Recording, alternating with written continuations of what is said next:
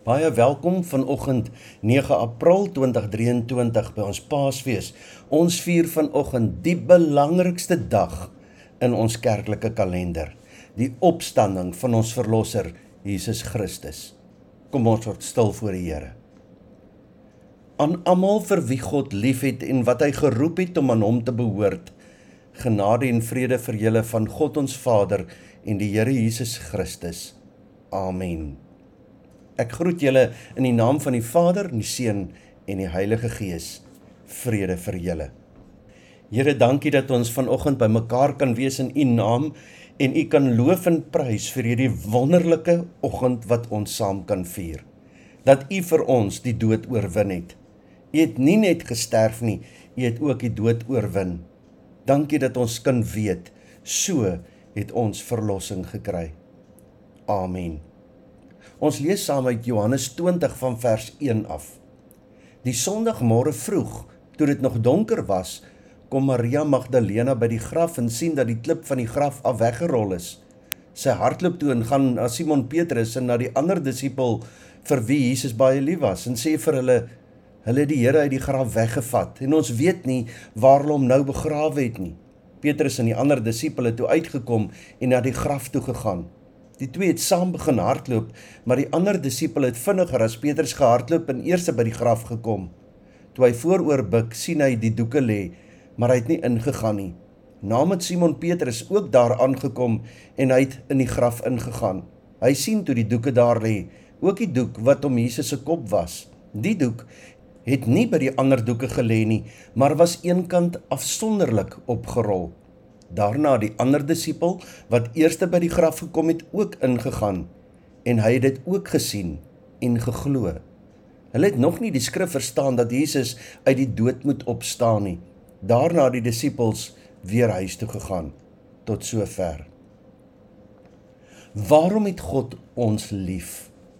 So lief dat hy bereid was om nie alleen te sterf nie, maar ook om al ons foute haat, gierigheid, selfverheerliking, selfsug, ja al ons sonde op hom te neem en so al ons sondes in ons plek te betaal.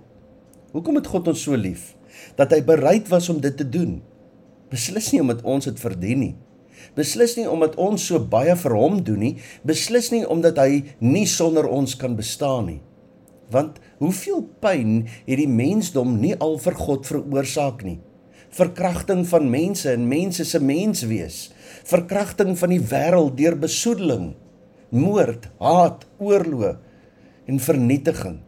Alles wat God goed gemaak het, vernietig die mens. Ons vernietig selfs die beeld van God in ander. Ons gebruik en verbruik alles tot ons eie voordeel. Dit maak nie saak of die natuur daaronder lê nie. Ons pleeg moord deur ons voorveronderstellings en ons haat dit wat God goed gemaak het, vernietig ons. Ons is nie tevrede met ons daaglikse brood nie, ons wil alles hê. God gee aan ons elkeen 'n unieke liggaam met unieke vermoëns, maar ons veg vir dit wat ander het. Ons is nooit tevrede nie. Al wat ons baie goed kan doen is kla. Die oomblik as ons oorvloed begin min word, begin ons vra na waar God dan is. God laat jou beker oorloop. Ons kaste is vol. Ons is oordadig en gooi dit wat ons nie gebruik het nie, dood eenvoudig net weg. Maar dan blameer mense vir God vir die plekke waar daar hongersnood is. As God vir ons mooi blou lig gee, dan wil ons reën hê. En as dit reën, hy ons son skyn, so asof ons in elk geval weet wat die beste is. Ons is soos 'n vlooi op 'n olifant se nek en tog dring ons aan om die olifant te bestuur. Ons dring soms daarop aan dat God presies moet maak soos ons wil, so asof ons beter as God weet. En as God nie vir ons gee wat ons wil hê nie, dan sê ons dat hy nie bestaan nie of dat hy nie 'n God van liefde is nie, so asof ons opinie in elk geval saak maak. Daar is honderde, duisende redes hoekom God ons eintlik maar aan onsself, ons eie slimheid, ons eie opinies en aan ons eie menings en aan ons eie lot kan oorlaat. Maar hy doen dit nie, want hy's lief vir ons, selfs tot en deur die graf. Ons boosheid, selfsug, liefdeloosheid en sonde verander niks in sy liefde nie. Inteendeel, God se liefde hou nooit vir ons op nie. Romeine 8 vers 38 en 39 sê geen dood of lewe of engele of magte of teenswoordige of toekomstige dinge of kragte of hoogte of diepte of enigiets anders in die skepping kan ons van die liefde van God skei nie. Die liefde wat daar is in Christus Jesus ons Here.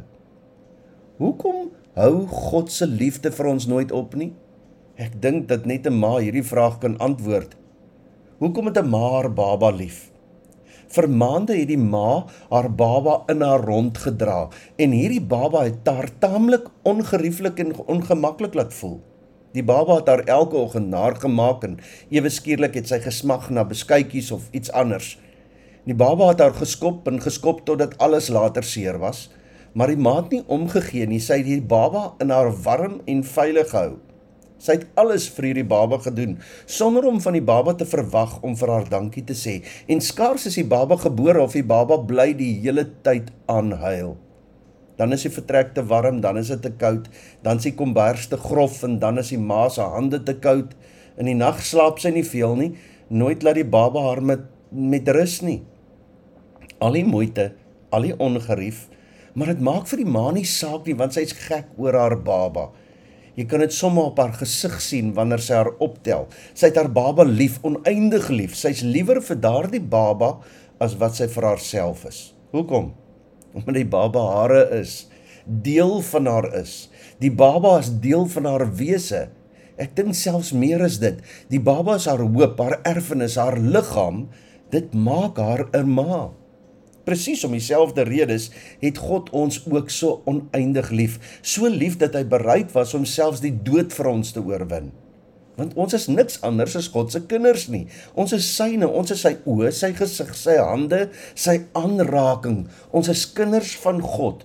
God het ons gemaak, ons aan mekaar gesit. Psalm 139: U het my gevorm, my aan mekaar gewewe in die skoot van my moeder.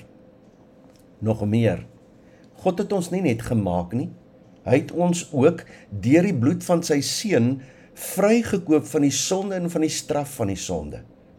Omdat ons glo dat Jesus gekruisig, begrawe en weer opgestaan het, is ons gered en is ons kinders van God vrygekoop omdat hy ons liefhet. Nou tree ons nie altyd op soos daar van kinders van God verwag word nie. Is daar geen groter waarheid as dit nie? Ons is altyd God se kinders. Ons bly en is syne. Want hy het ons lief. Ons sterflik lief. Presies soos Paulus dit in Romeine 8 vers 38 en 39 uitdruk, niks kan ons skei van die liefde van Christus nie, nie eers die dood nie. Want juis in die graf en deur die graf het God aan ons bewys hoe lief hy ons het. Niks kan ons van sy liefde skei nie, nie eers die dood nie. Dit sê God. Niks kan ons skei van die liefde van Christus nie, nie eers die dood nie, want sy opstanding wat juis 'n teken van hoe lief hy ons het. Daarom wanneer jy iets doen wat jy meen jou buite die kring van God se liefde plaas, dalk 'n verbreekte belofte aan God, en jy begin dink dat God jou nie liefhet nie, dan skree die oop graf oor die wêreld dit uit. Nee, nee, nee. God se liefde is nie menslik nie. Sy liefde is nie normaal nie. Sy liefde sien jou sonde raak, maar hy het jou steeds lief. Sy liefde sien jou sonde raak, maar hy betaal dit self. Hy dra self die straf vir jou sonde. Keer hy ons foute goed? Natuurlik nie. Wil hy hê dat ons onsself moet bekeer? Natuurlik. Wil hy hê dat ons met groter toewyding voor hom moet lewe? Altyd. Maar hy kan ons nie meer lief hê as wat hy ons reeds het nie. Hiervan is ek oortuig, geen dood of lewe of engele of magte of teenswoordige of toekomstige dinge of kragte of hoogte of diepte of enigiets anders in die skepping kan ons van die liefde van God skei nie. Die liefde wat daar is in Christus Jesus ons Here. God het jou oneindig lief. Amen. O Here, vandag vier ons u opstanding en dit verander alles. Want as hy net dood is en nie opgestaan het nie, beteken ons geloof, ons godsdiens absoluut niks nie. Dan beteken die liefde vir ons absoluut niks nie. Dit is juis u opstanding.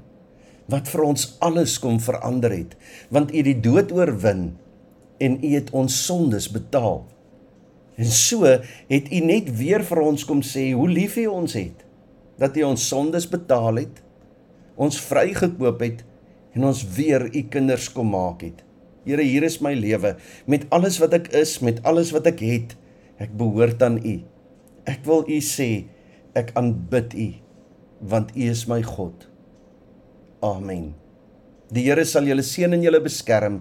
Die Here sal tot julle redding verskyn en julle genadig wees. Die Here sal julle gebede verhoor en aan julle vrede gee. A crown of thorns placed on his head.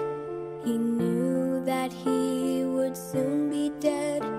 He said, Did you forget me, Father? Did you?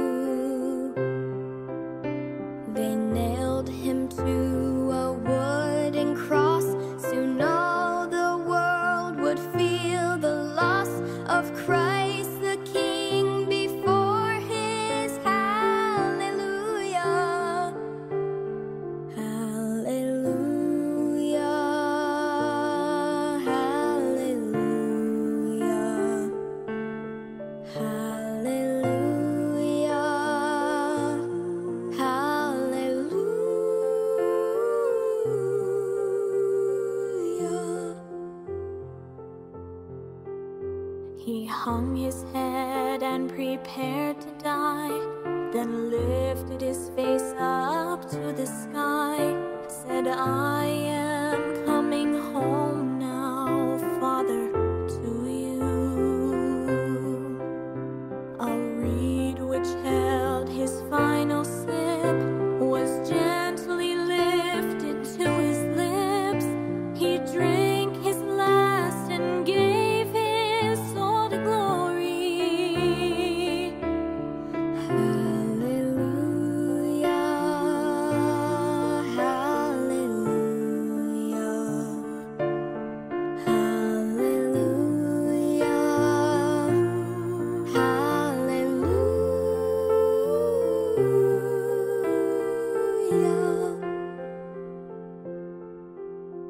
The soldier who had used his sword to pierce the body of our Lord said, Truly,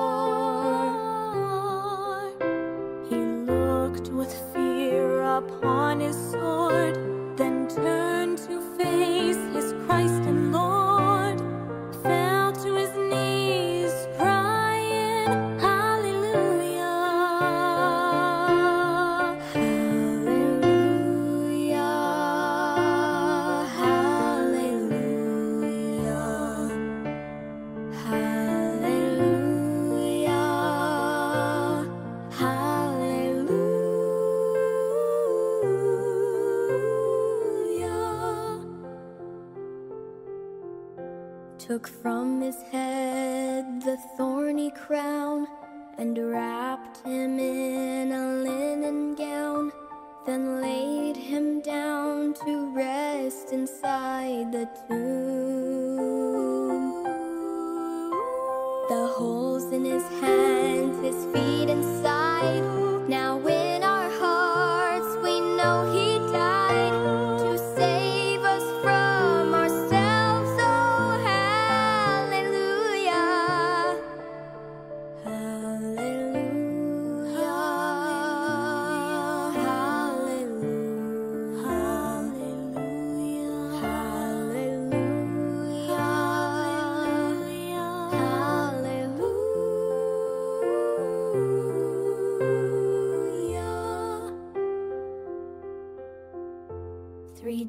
went by, again they came to move the stars.